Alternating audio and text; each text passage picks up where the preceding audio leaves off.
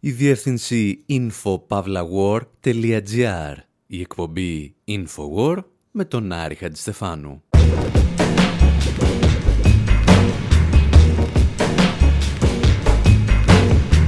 Όπου σήμερα λέμε να σας κάνουμε ένα μικρό τεστ που αντιγράψαμε από το ίντερνετ θα σας λέμε μία φράση που σχετίζεται με τους πρόσφυγες και εσείς θα πρέπει να αποφασίζετε εάν ανήκει στον Χίτλερ ή σε κάποιο αξιωματούχο ή ηγέτη της Ευρωπαϊκής Ένωσης.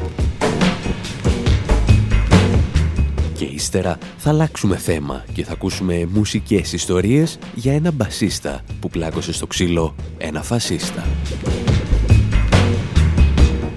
θα αφήσουμε τους Dropkick Murphys να σιγομουρμουρίζουν εργατικούς ύμνους από τα παλιά σε ρυθμούς Celtic Punk, ενώ εμείς θα σας ταξιδεύουμε από το Wisconsin των Ηνωμένων Πολιτειών μέχρι την παλιά και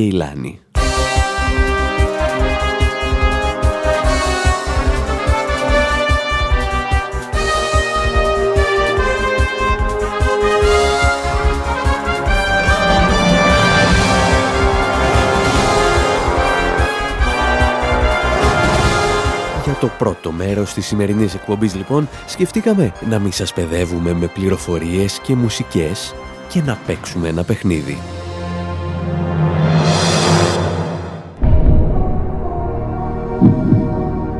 Θα ακούσουμε, όπως σας είπαμε, δηλώσεις Ευρωπαίων πολιτικών για τους πρόσφυγες και θα μαντέψουμε εάν ζουν σήμερα στην Ευρωπαϊκή Ένωση ή εάν είναι από αυτούς που επιχειρούσαν να ενώσουν την Ευρώπη με ελαφρώς πιο βίαιο τρόπο στο Δεύτερο Παγκόσμιο Πόλεμο.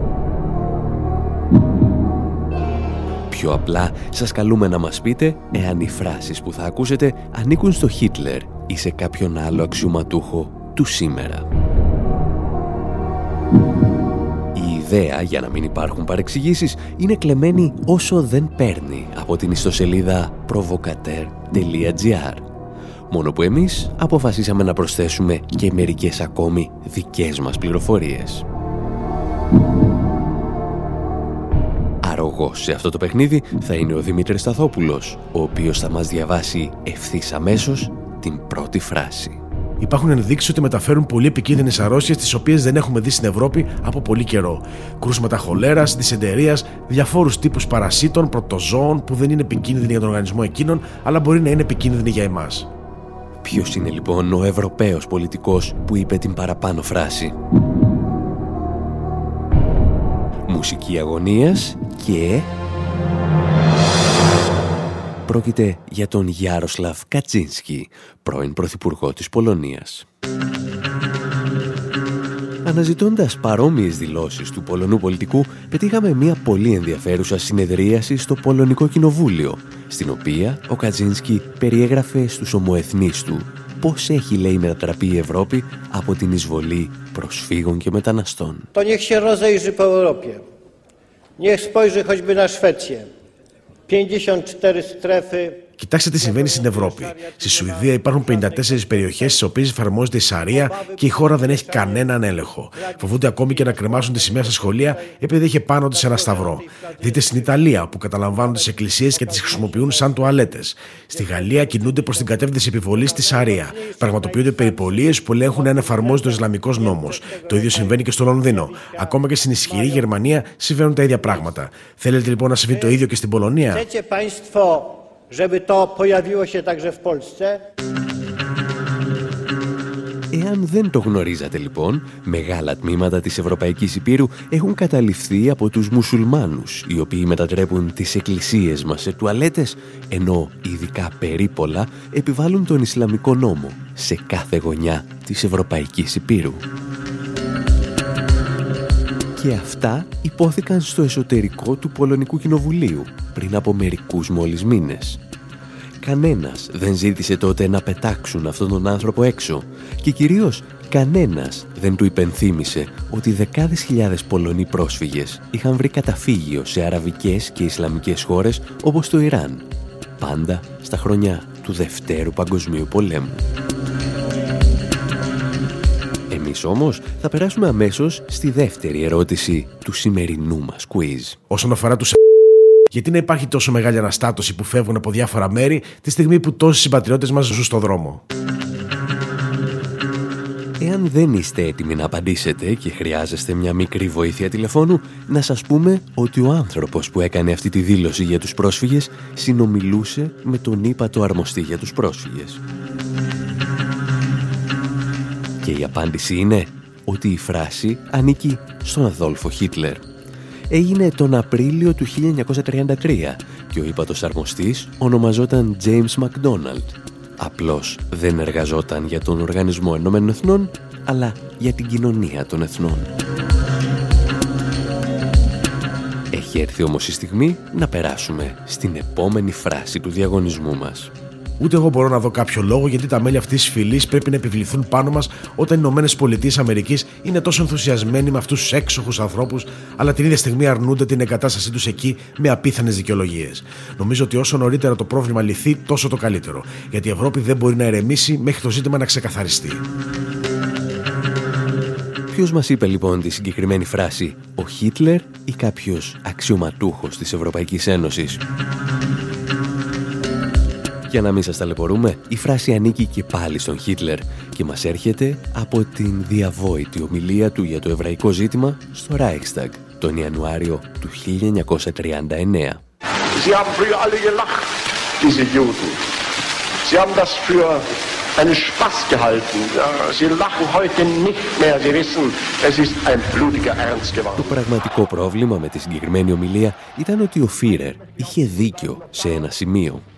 Οι Ηνωμένε Πολιτείες, όπως και αρκετές χώρες της Δυτικής Ευρώπης, αντιδρούσαν μεν στο δράμα των Εβραίων προσφύγων, αλλά δεν έκαναν σχεδόν τίποτα για να τους βοηθήσουν.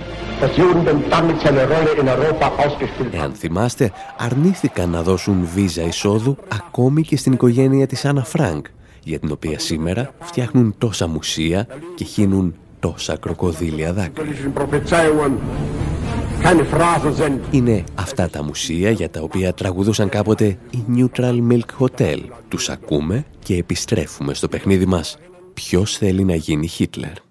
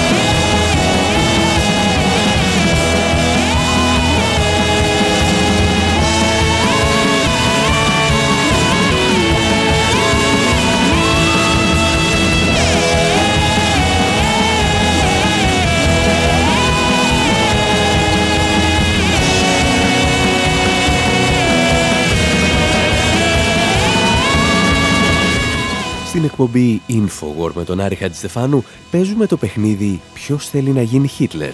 Σας βάζουμε δηλαδή να ακούσετε φράσεις Ευρωπαίων πολιτικών για τους πρόσφυγες και εσείς πρέπει να μας πείτε εάν τις είπε ο Αδόλφος ή κάποιος σημερινός αξιωματούχος.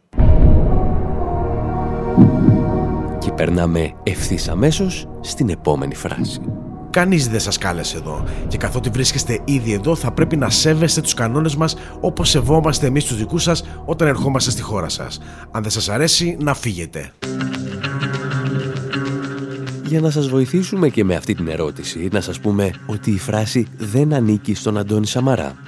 Αυτός χαρακτήριζε τους μετανάστες και τους πρόσφυγες τύραννους, κάνοντας ακόμη και την Μαρίν Λεπέν να φαντάζει σαν εθελόντρια στη Λέσβο. Η απάντηση για να μην σας ταλαιπωρούμε είναι ότι η φράση ανήκει στον Μίλος Ζέμαν, τον πρόεδρο της Τσεχίας. Αναζητώντας και πάλι παρόμοιες δηλώσεις του Ζέμαν, βρήκαμε και το χριστουγεννιάτικο διάγγελμα που είχε απευθύνει στον λαό της Τσεχίας. Και αυτό πήγαινε κάπως έτσι. A tak v zahraniční politice Στις διεθνείς σχέσεις της χώρας μας υπάρχει ένα μελανό σημείο. Είναι το κύμα των προσφύγων. Οι πολιτικοί που σας λένε ότι δεν υπάρχει τίποτα να φοβόμαστε μου θυμίζουν ένα δήμαρχο της Πράγας. Ενώ η πόλη πλημμύριζε, αυτός καθόταν σε μια γέφυρα και έλεγε: Η κατάσταση είναι υπό απόλυτο έλεγχο. Δύο ώρες αργότερα το μετρό της πόλης είχε φιδιστεί στο νερό. Μερικές φορές αισθάνομαι σαν την Κασάνδρα που προειδοποιούσε για την είσοδο του δούριου ύπου στην Τρία. Πιστεύω ότι βρισκόμαστε αντιμέτωποι με μια οργανωμένη εισβολή και όχι με τυχαίες μετακινήσεις μεταναστών pohyb uprchlíků. Η θεωρία της οργανωμένης εισβολής των μεταναστών και των προσφύγων συναντάται σε όλα τα φασιστικά και ναζιστικά κινήματα της Ευρώπης, αλλά σπάνια ακούγεται από προέδρους χωρών. Η συγκεκριμένη ομιλία όμως είχε πολλά ακόμη διαμάντια να μας προσφέρει. Αλλά velká většina nelegálních migrantů η συντριπτική πλειονότητα των παράνομων μεταναστών είναι νέοι, ικανοί άνθρωποι χωρίς οικογένειες. Αναρωτιέμαι λοιπόν γιατί αυτοί οι άνθρωποι δεν παίρνουν τα όπλα να πολεμήσουν για τη ελευθερία στην πατρίδα τους ενάντια στο Ισλαμικό κράτος. Η απόδρασή τους ενισχύει το Ισλαμικό κράτος. Δεν μπορώ να φανταστώ ότι στα χρόνια της γερμανικής κατοχής οι νέοι άνδρες μας θα διέφευγαν στη Βρετανία για να λαμβάνουν επιδόματα πρόνοιας.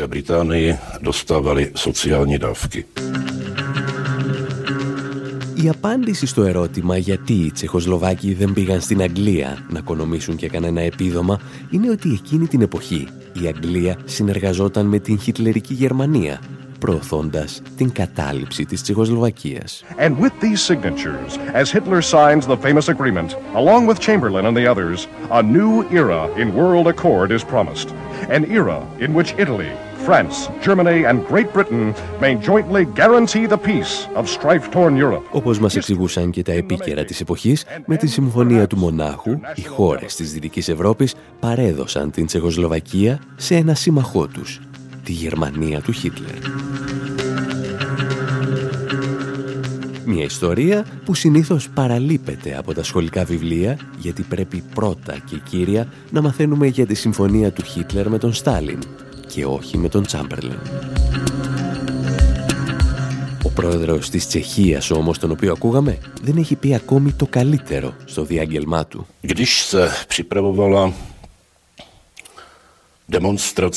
Καθώς ορισμένοι προετοιμάζονταν για μια μεγάλη συγκέντρωση υπέρ των μεταναστών, κάποιος ενημέρωσε τις μυστικές υπηρεσίες της χώρας μας σχετικά με ένα πανό που θα υπήρχε στη συγκέντρωση. Το πανό θα έγραφε Αυτή η χώρα δεν μας ανήκει. Πρόσφυγες είστε ευπρόσδεκτοι. Κάποιος συμβούλευσε τους διοργανωτές ότι αυτό το σύνθημα είναι εξαιρετικά ηλίθιο και έτσι το αντικατέστησαν με ένα λιγότερο ηλίθιο. Αυτή η χώρα ανήκει σε όλους. Πρόσφυγες είστε ευπρόσδεκτοι. Refugees, welcome. Οι ρουφιάνοι των μυστικών υπηρεσιών στην Τσεχία λοιπόν ενημερώνουν την κρατική ασφάλεια ακόμη και για τα πανό που θα έχουν οι διαδηλωτές. Και η ασφάλεια φροντίζει να ξαναγράφονται τα συνθήματα. Ιστορίες από το μπλοκ του υπαρκτού καπιταλισμού στην Τσεχία του 21ου αιώνα. Εμείς πάλι συνεχίζουμε απτόητη το παιχνίδι μας. Ποιος θέλει να γίνει Χίτλερ; Και ακούμε την επόμενη φράση. Θα πάρουν τη βοήθεια και την υποστήριξη που χρειάζονται. Αλλά αν φέρουν περιουσιακά στοιχεία μαζί τους, θα πρέπει να καλύψουν από μόνοι τους το κόστος του φαγητού τους και τη διανομή τους. Έτσι γινόταν πάντα. Ομολογουμένως αυτό είναι ευκολάκι για όποιον παρακολουθεί τις τελευταίες εξελίξεις στο προσφυγικό ζήτημα. Η φράση προφανώς δεν ανήκει στον Χίτλερ, αλλά στην Υπουργό Μετανάστευσης της Δανίας, Ίγκερ Στόλμπεργκ.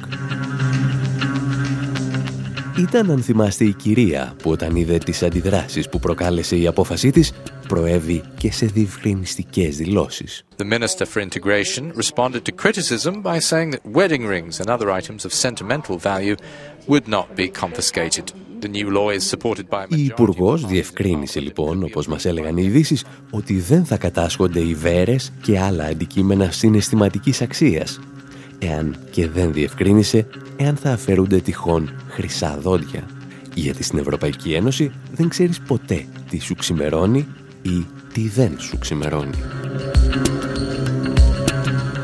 Στο σημείο αυτό όμως έχουμε φτάσει στην τελευταία φράση του σημερινού μας διαγωνισμού. Την ακούτε και μας δίνετε την απάντησή σας.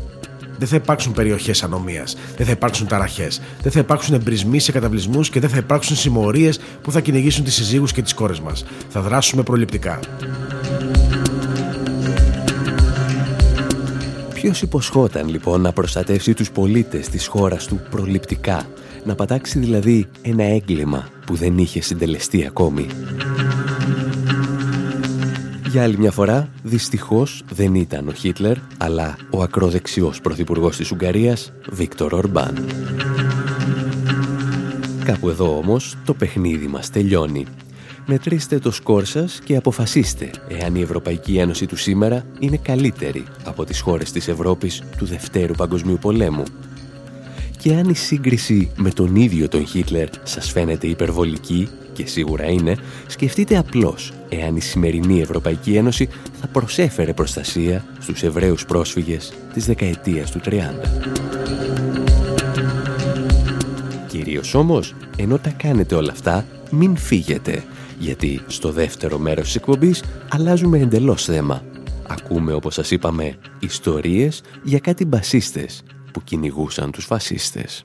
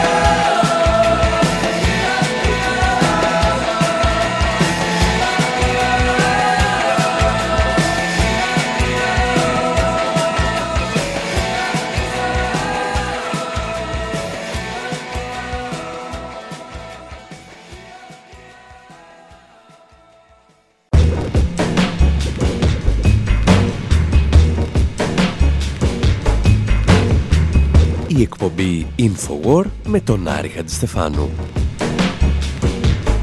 όπου σήμερα συζητάμε για ένα συγκρότημα που περνά περισσότερο χρόνο για να αποφασίσει ποιοι δεν πρέπει να ακούνε τη μουσική του παρά με αυτούς που πρέπει να την ακούνε.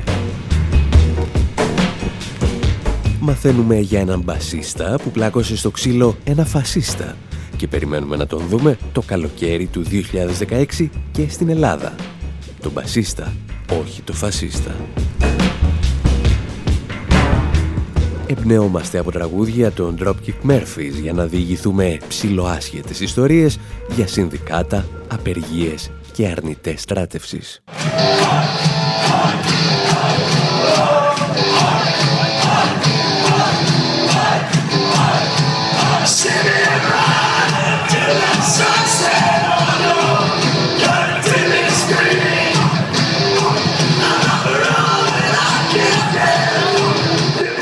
Σας ενοχλεί κάτι στη βαβούρα που ακούτε και δεν μπορείτε να εντοπίσετε τι ακριβώς είναι αυτό, ενδεχομένως σας λείπει το μπάσο. Το κακό ηχογραφημένο τραγούδι μας έρχεται από μια συναυλία που έδωσαν οι Dropkick Murphys το 2013 στη Νέα Υόρκη. Και ενώ όλα πήγαιναν μια χαρά, ένας θεατής ανέβηκε κάποια στιγμή στη σκηνή και χαιρέτησε ναζιστικά προς το κοινό. Ο μπασίστας και τραγουδιστής Κεν Κάσεϊ του συγκροτήματος τον πλησίασε ήσυχα, του έχωσε μια δυνατή γροθιά στο κεφάλι και συνέχισε να τον χτυπάει με τον μπάσο. Έδωσε δηλαδή μια νέα εκδοχή σε αυτό που έγραφε κάποτε η κιθάρα του Woody Guthrie. Αυτή η μηχανή σκοτώνει φασίστες.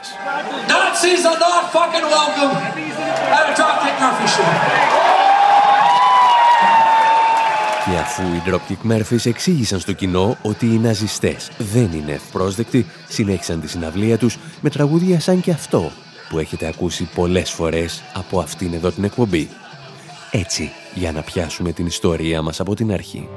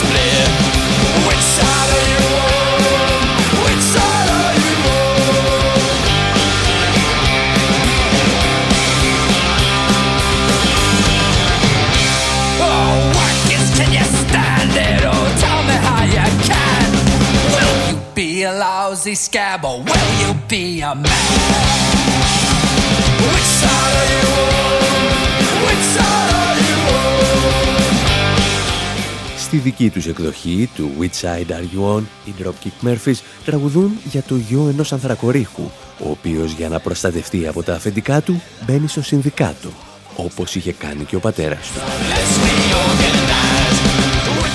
Εκεί μαθαίνει για τις δύο επιλογές που ανοίγονται μπροστά του ή θα γίνει ένας βρωμερός απεργοσπάστης ή θα γίνει άντρας, το οποίο θα μπορούσε να μεταφραστεί και ως άνθρωπος.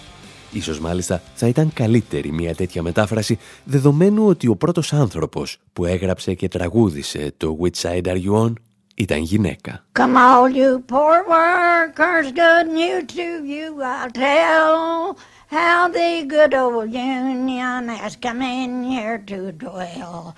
Which side are you on? Which side are you on? We're starting our good battle. We know we're sure to win because we've got the gun thugs are looking very thin. Which side are you on? Which side are you on? Το τραγούδι γράφεται το 1931 από τη Florence Rees, η οποία είχε παντρευτεί ένα από τα ηγετικά στελέχη του Συνδικάτου των Ανθρακορίχων στο Κεντάκι των Ηνωμένων Πολιτειών.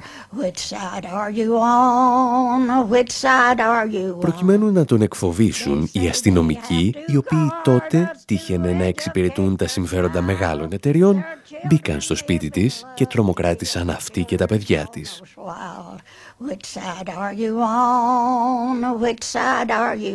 Η κυρία Φλόρενς όμως δεν ήταν από τους ανθρώπους που τρομοκρατούνταν με ένα-δύο όργανα της τάξης. Το ίδιο βράδυ κάθισε στην κουζίνα του σπιτιού της και έγραψε στο πίσω μέρος ενός ημερολογίου τους στίχους από το τραγούδι «Which side are you on?»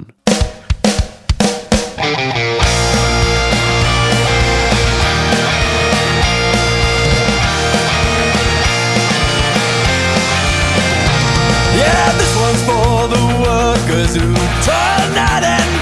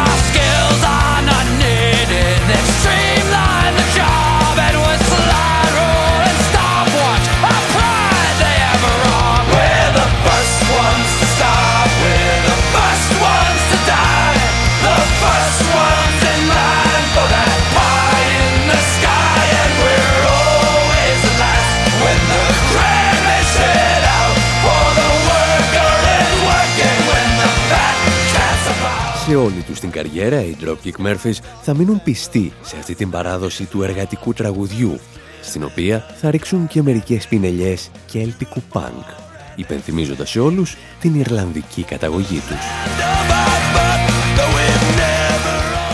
Όπως εδώ, στο Worker Song, προσφέρουν ίσως την πληρέστερη μουσική εξήγηση σε δύσκολους όρους, όπως πρωταρχική συσσόρευση κεφαλαίου, απόσπαση υπεραξίας και μείωση ποσοστού κέρδους που οδηγεί σε πολεμικές αναμετρήσεις με στόχο την καταστροφή κεφαλαίου. Πιο απλά, οι Dropkick Murphys διηγούνται την ιστορία εργατών, οι οποίοι όταν δεν δουλεύουν νυχθημερών για ένα κομμάτι ψωμί, βρίσκονται με ένα όπλο στο χέρι, να σκοτώσουν και να σκοτωθούν για μερικά στρέμματα γης, τα οποία ποτέ δεν θα τους ανήκουν.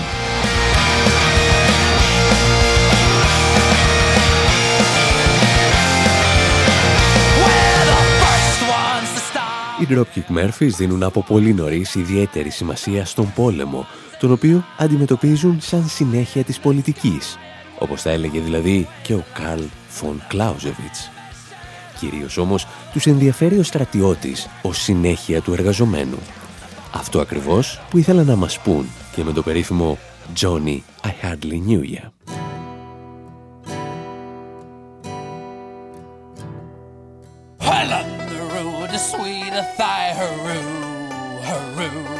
Well, on the road to sweet a thigh, hurroo, hurroo. The road to sweet a thigh, hurroo, hurroo. Well, on the road to sweet a stick in the hand, a drop in the eye, a doleful damsel I did cry. Johnny, I hardly knew ya.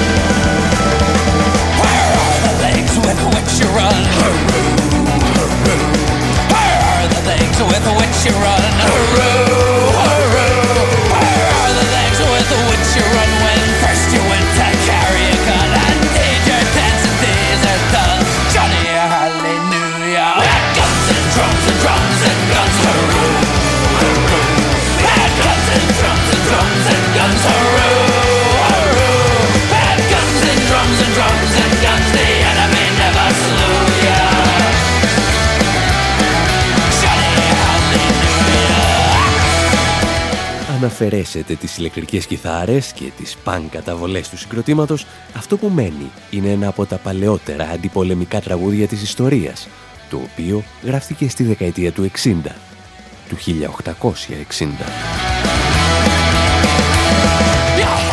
Αν και οι ιστορικοί διαφωνούν για την ακριβή προέλευσή του, ξέρουμε πολύ καλά τα περιστατικά τα οποία μας αφηγείται. Μας διηγείται λοιπόν την ιστορία μιας Ιρλανδής που αποκτά ένα νόθο παιδί με τον εραστή της. Αυτός όμως αποφασίζει να την εγκαταλείψει για να πολεμήσει στη Σρι Λάνκα, που τότε ονομαζόταν και Λάνη και ανήκε στη Βρετανική Αυτοκρατορία. Ο στρατιώτης μας όμως επιστρέφει ολοκληρωτικά παραμορφωμένος από τη μάχη, χωρίς πόδια, χωρίς χέρια και χωρίς μάτια, ενώ σε ορισμένες εκδοχές του τραγουδιού αγνοείται και η μύτη του.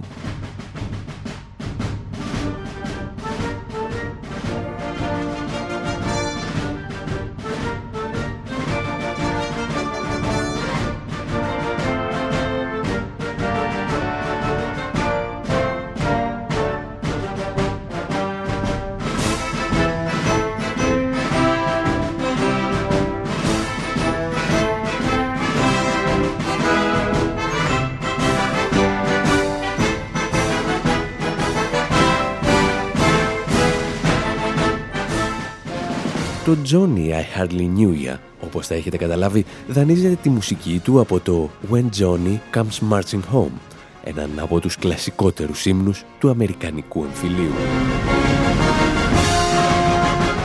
Στην αρχική εκδοχή λοιπόν το τραγούδι εξέφραζε τη νοσταλγία των συγγενών όσων συμμετείχαν στον Αμερικανικό εμφύλιο. Στην Ιρλανδία του 19ου αιώνα θα γίνει ο άτυπος ύμνος των αντιρρησιών συνείδησης και πριν αναλάβουν οι Dropkick Murphys να το επαναφέρουν σε αμερικανικό έδαφος, θα το πιάζουν στα χέρια τους και οι Class. Μόνο που αυτοί τραγουδούν για έναν αγγλικό εμφύλιο πόλεμο.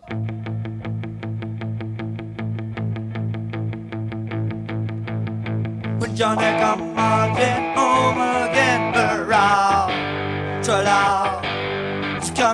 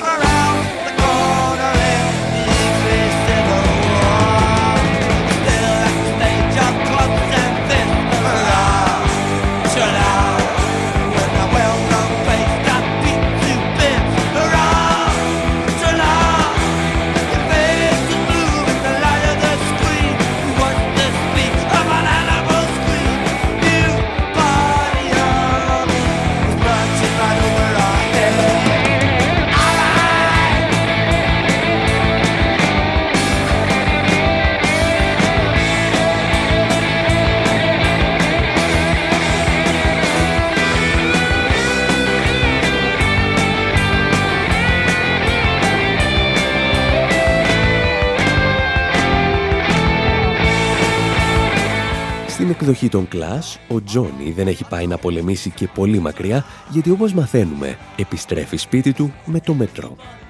Και η μάχη στην οποία έχει πολεμήσει δεν πραγματοποιήθηκε σε κάποια κτήση της Βρετανικής Αυτοκρατορίας, αλλά σε κάποιο στενό του Λονδίνου.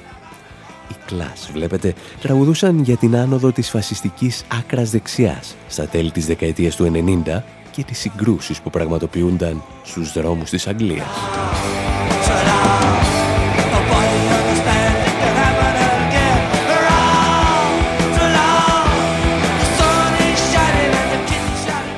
Εμείς να σας θυμίσουμε κάπου εδώ ότι είμαστε η εκπομπή Infowar. Εξού και το γεγονός ότι ενώ αρχίσαμε να μιλάμε για τους Dropkick Murphys, καταλήξαμε να ακούμε και πάλι τους Clash.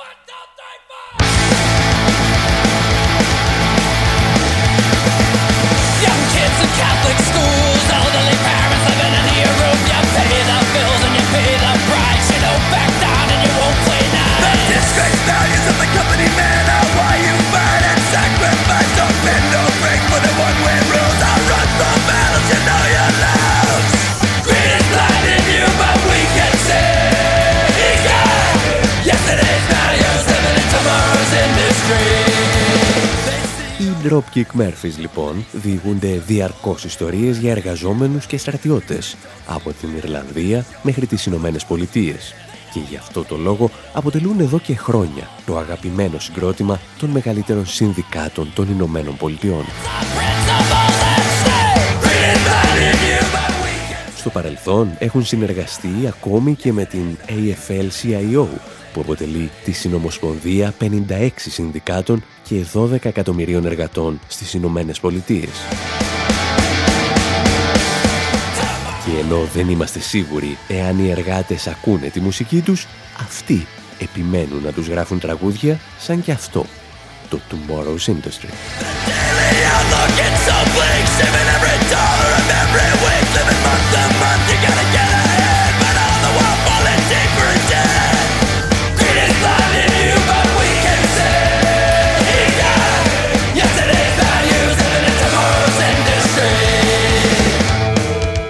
Παρά το γεγονός ότι οι Dropkick Murphys δίνουν εδώ και δεκαετίες μάχη για να περάσουν τα φιλεργατικά τραγούδια τους σε όσο το δυνατόν μεγαλύτερο ακροατήριο, το ευρύ κοινό τους γνώρισε γιατί δεν επέτρεπαν σε όλους να χρησιμοποιούν τη μουσική τους.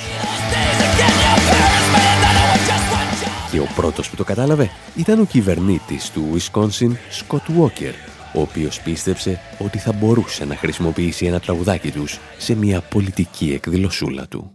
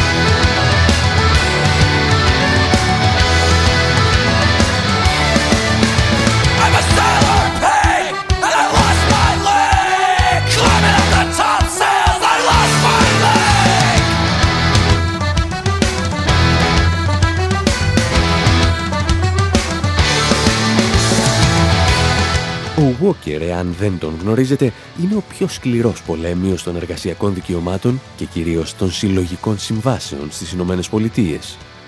Γεγονός που είχε οδηγήσει και στην κατάληψη του Καπιτολίου στο Ουισκόνσιν το 2011. Όταν λοιπόν οι Dropkick Murphys διαπίστωσαν ότι ο εν λόγω κύριος χρησιμοποιούσε τα τραγούδια τους, απάντησαν με ένα λιτό μήνυμα στο Twitter το οποίο έλεγε τα εξής. Κυβερνήτη Walker, σε παρακαλούμε σταμάτα να χρησιμοποιείς τη μουσική μας. Ειλικρινά σε συχαινόμαστε. Με αγάπη, Dropkick Murphys.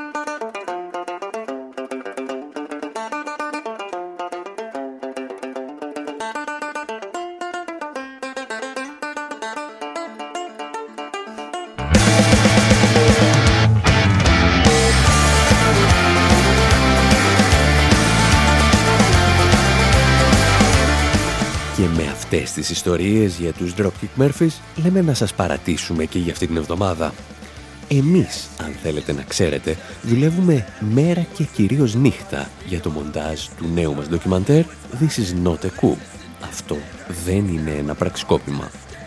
Και αν θέλετε να γίνετε συνένοχοι στο έγκλημα, μπορείτε να βάλετε ένα χεράκι από τη διεύθυνση thisisnotacoup.com Μέχρι πάντως την επόμενη εβδομάδα, από τον Άρη Χατζηστεφάνου στο μικρόφωνο και τον Δημήτρη Σταθόπουλο στην τεχνική επιμέλεια, γεια σας και χαρά σας.